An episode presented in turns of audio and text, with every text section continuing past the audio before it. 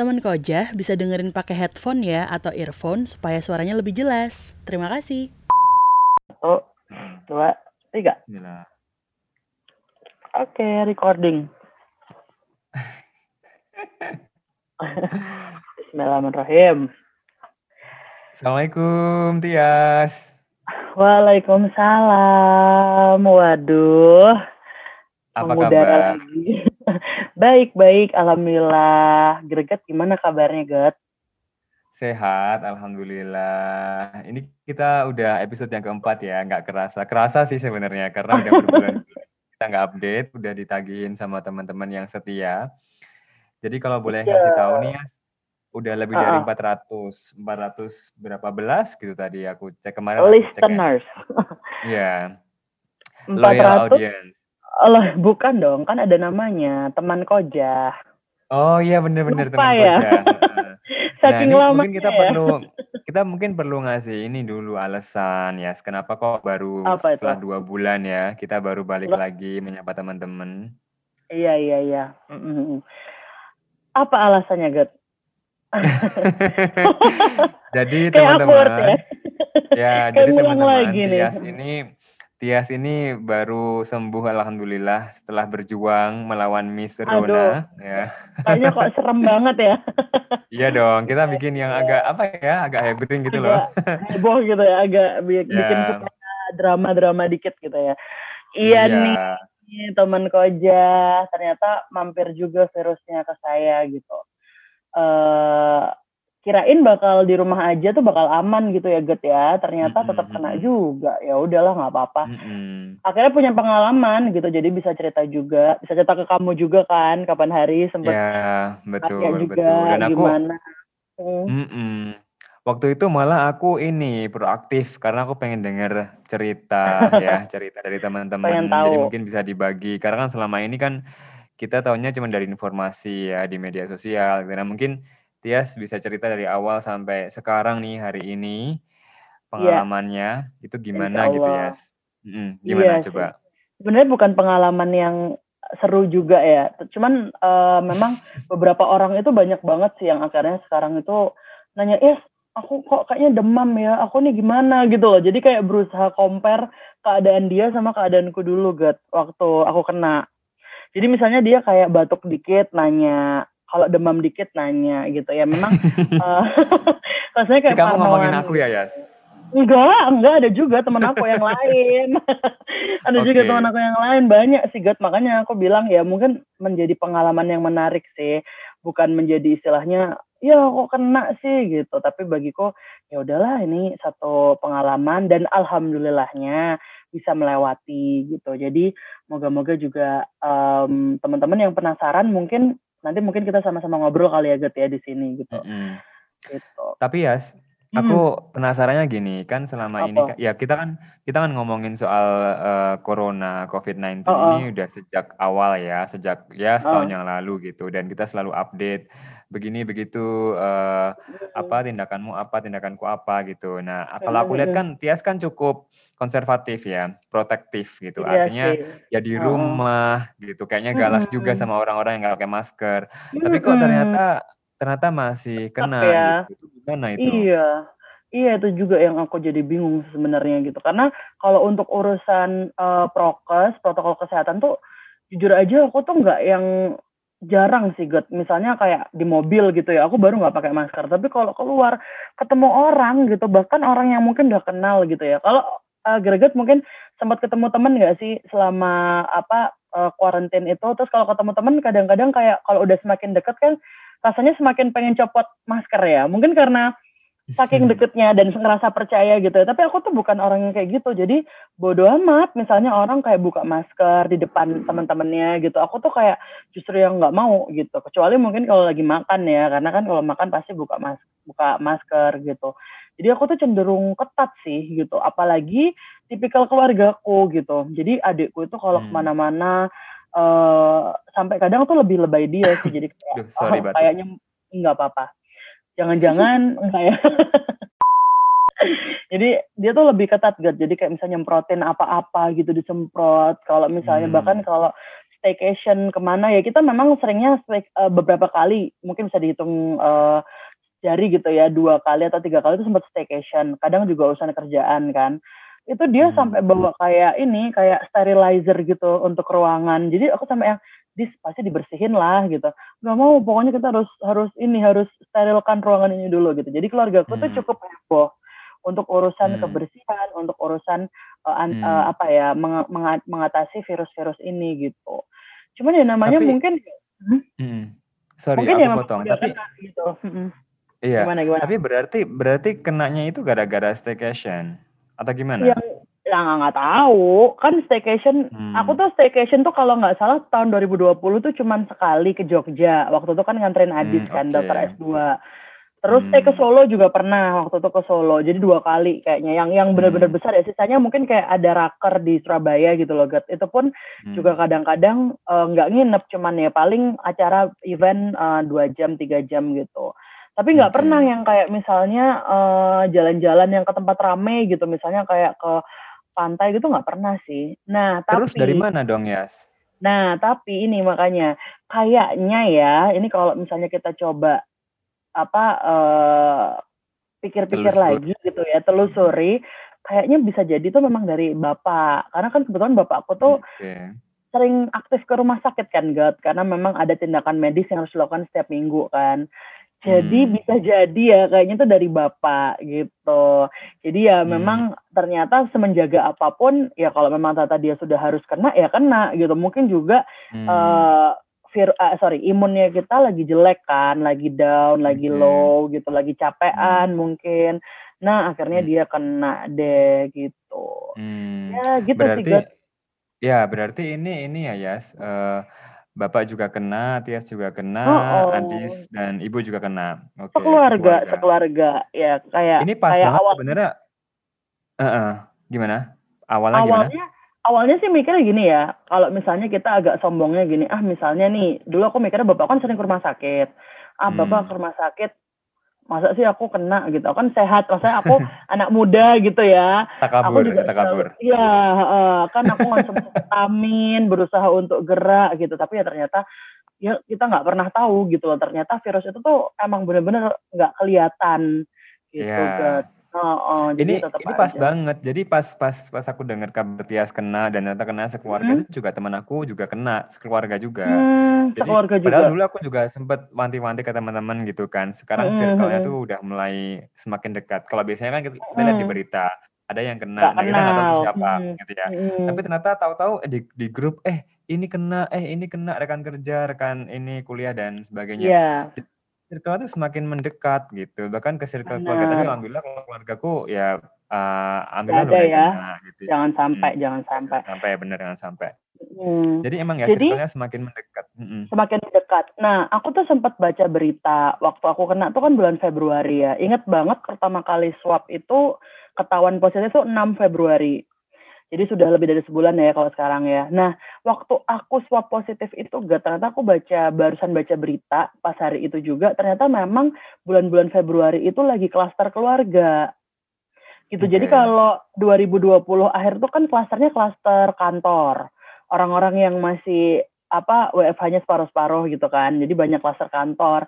Nah, entah kenapa di 2021 awal itu orang-orang tuh udah pada di rumah sebenarnya banyak yang stay at home. Cuman entah kenapa akhirnya mungkin satu keluarga tadi ada satu keluarga yang beresiko kena nularin sekeluarga. Makanya disebutnya bulan-bulan Februari itu adalah klaster keluarga gitu. Banyak memang hmm. makanya kan tadi saya tanya temannya Greget juga, temanku juga ada mungkin hmm. tiga keluarga tuh kena gitu. Jadi ya hmm. ya memang lagi waya apa ya bahasanya ya wayahe gitu.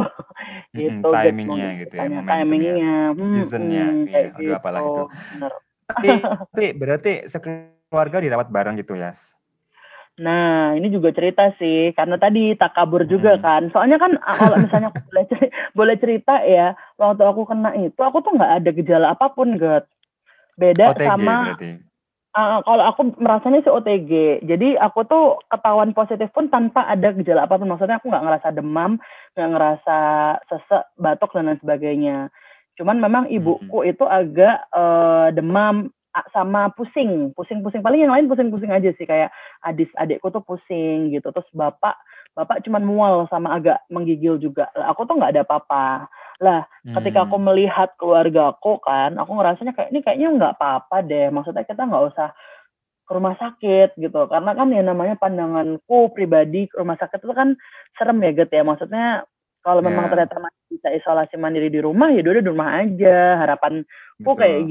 Gitu gitu. Cuman memang eh ya orang tua kan udah berusia lumayan ya 60 tahun ke atas kalau secara lansia udah bisa, bisa dibilang lansia gitu. Akhirnya tetap mencoba mencari gitu. Meskipun memang nggak Hmm. mudah loh cari rumah sakit itu.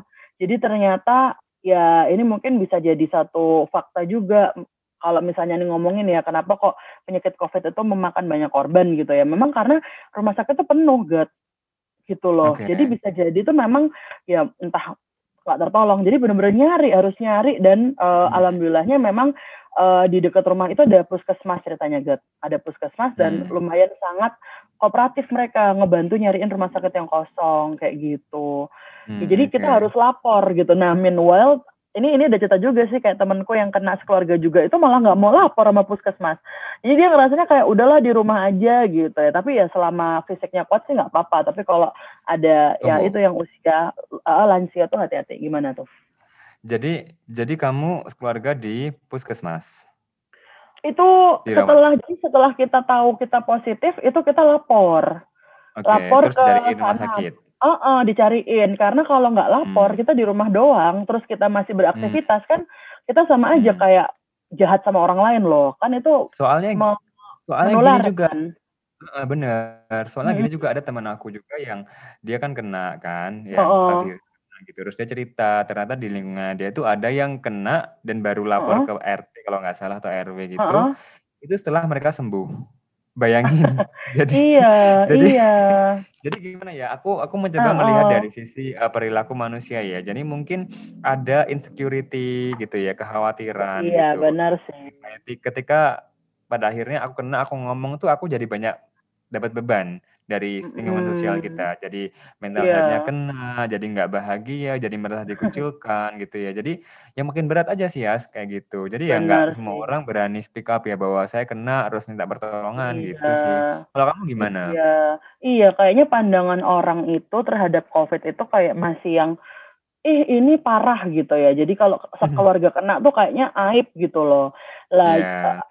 Itu kan pandangan orang. Nah, kalau menurut aku pribadi, kalau aku sih kemarin ngeliatnya gini, justru malah jangan sampai orang-orang itu tersebar nih gara-gara penyakitku dan keluarga gitu. Jadi aku justru pengen pendapat dari ahli di, di mana ahlinya itu dokter kan eh, bahwa kalau kita serumah kena nih apa yang harus kita lakukan makanya kita ke puskesmas kayak gitu Hmm. karena kalau kita diem-diem doang di rumah nih mungkin sehari dua hari tiga hari seminggu ma- masih oke tiba-tiba nanti hari keberapa kita butuh pertolongan yang lebih serius kan kalau di rumah sakit kan lebih enak gitu ya ini memang makanya ini jadi kayak satu apa ya mindset sih masing-masing orang gitu ada yang memang Mm-mm.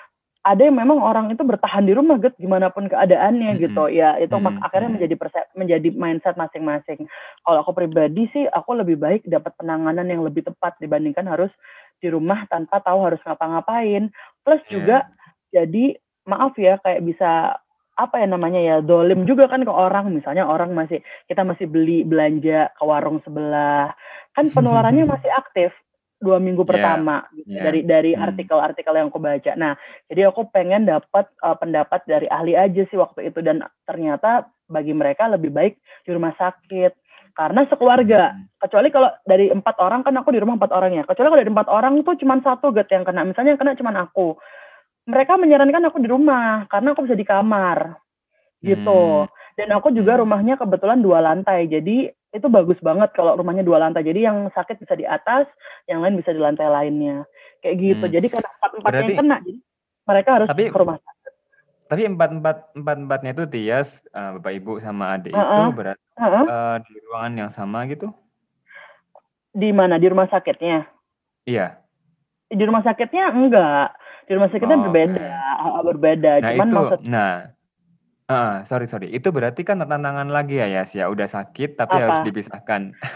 Ya, iya sih. Cuman nggak sih? privilege-nya kalau satu keluarga, satu rumah, satu kakak sih lebih tepatnya itu di rumah sakit tuh boleh seruangan. Jadi Oke.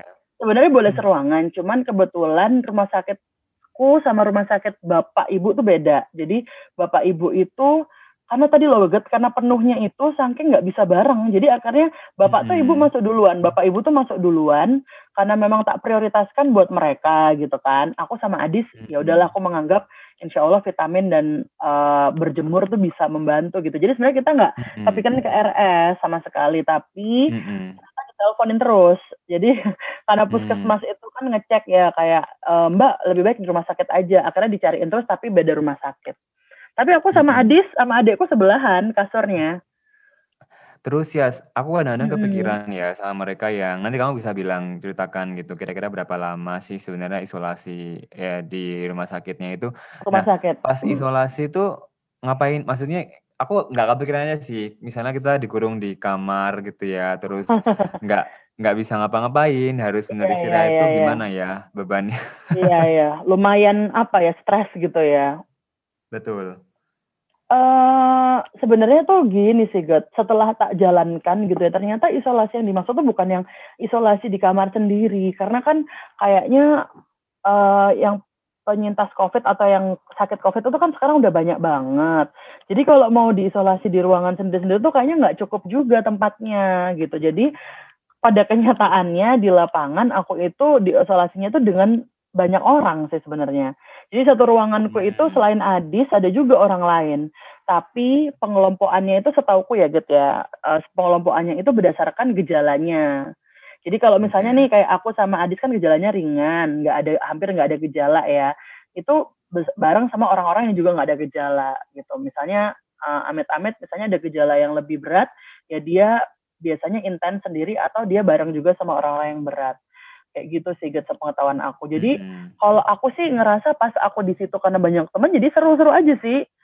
Cuman memang ya seru-seru aja, seru-seru kayak ngobrol, oh, kayak biasanya tetap pakai masker gitu. Cuman ya bosannya adalah itu nggak di rumah ya namanya se gimana seasik-asiknya rumah sakit tetap rumah sakit kan Get gitu.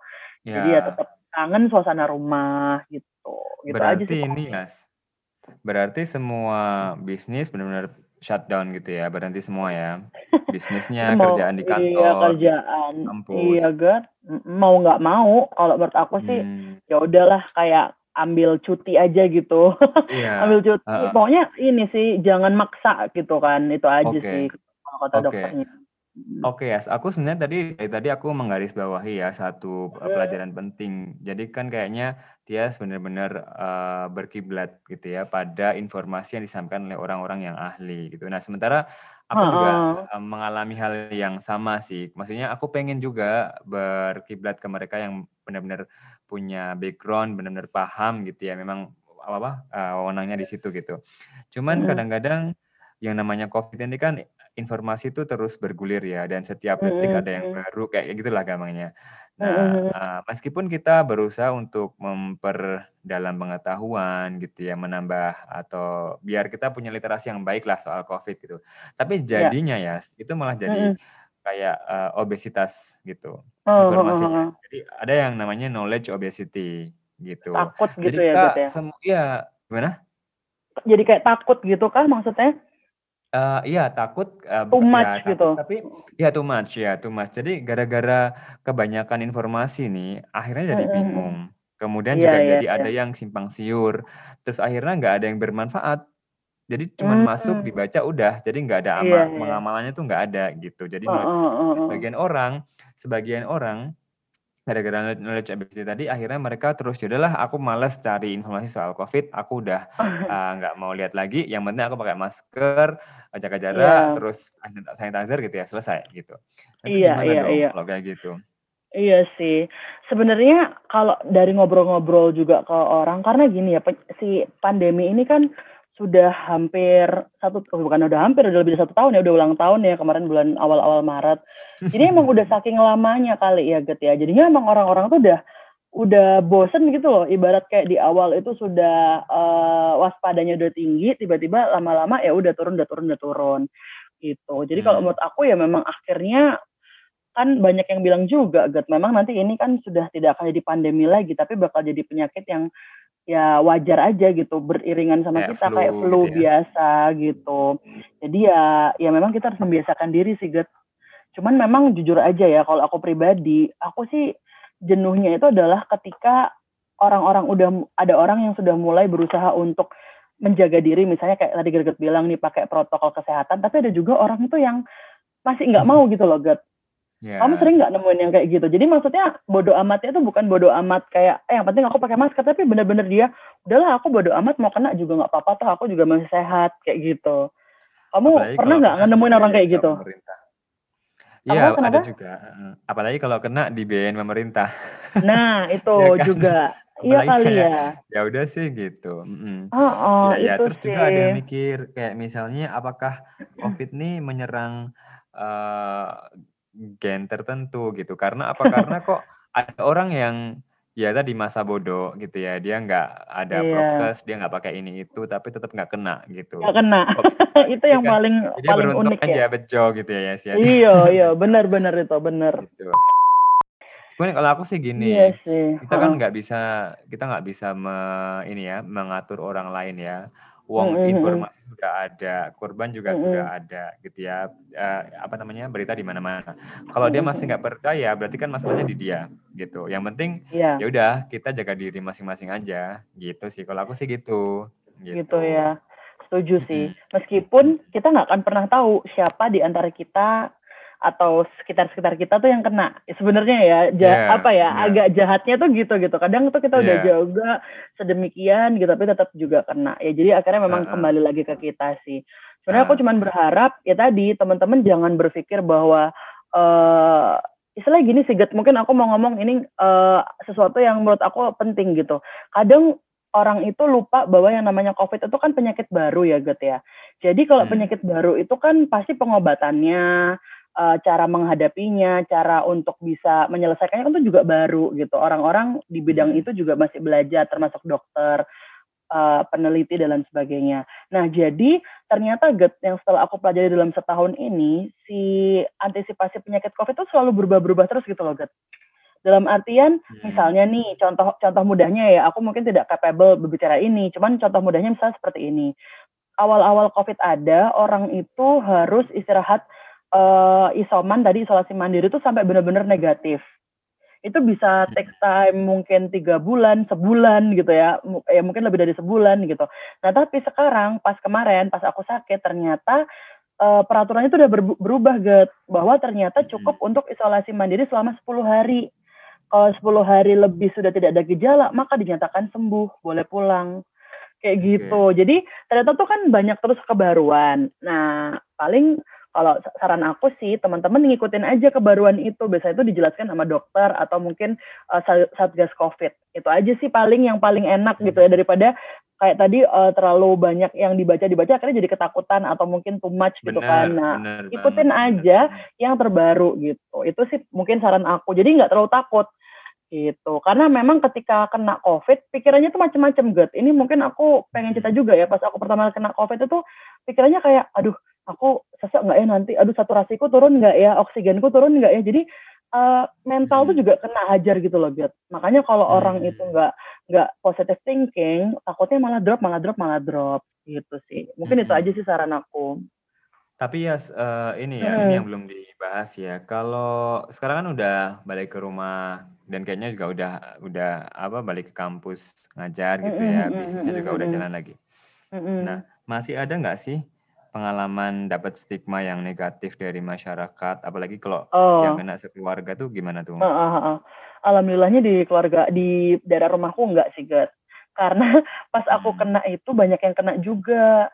Jadi memang di sini itu lagi banyak klaster keluarga seperti tadi aku bilang gitu. Jadi ya Hmm. alhamdulillahnya eh, mereka justru sangat-sangat eh, apa support gitu kayak Mbak eh, mama sudah sembuh. Jadi kan kebetulan eh, mama aku kan agak terlambat ya pulangnya memang yang lumayan agak berat eh, efeknya tuh di mama gitu. Nanya terus, Hmm. mama udah sembuh gitu. Dan ketika nanya kan ketemu aku. Jadi mereka udah kayak ngerasa, oh berarti Mbak Tia sudah sembuh kayak gitu. Jadi alhamdulillah Oh. di tempatku sih aman sih, Gat. Nggak ada yang stigma buruk gitu. Kalau di kamu sempat ngerasain kayak gitu emang di sana? Ada yang Ah, di sini gimana-gimana sih gitu? ya di dekat-dekat rumah gitu memang ya nggak Hmm? deket banget sih ya. Itu memang ada yang Heeh. katanya meninggal gitu kan. Karena kan dimakamkan malam hari gitu langsung hmm. dengan prokes hmm. dan lain-lain kan. Jadi mikirnya hmm. oh berarti kena gitu. Oh yang itu kena COVID, COVID gitu. Memang ada beberapa yang harus diedukasi lagi kayak misalnya uh, keluarganya itu ada yang isoman, tapi anggota keluarga oh. yang lain malah ikut kumpul-kumpul dengan tetangga yang lain di acara hajatan misalnya uh, gitu gitu kan. Iya, Kasih iya, tahu iya. harus nggak boleh gitu. Kalau ada yang isoman ya, ya ya diharapkan yang anggota keluarga yang lain juga jangan terus jalan-jalan mm -hmm. gitu loh. Karena kita nggak mm -hmm. tahu ya yang OTG tadi gitu. Jadi mm -hmm. ya sebenarnya sih memang uh, itu kan kontrol sosial ya Yas ya.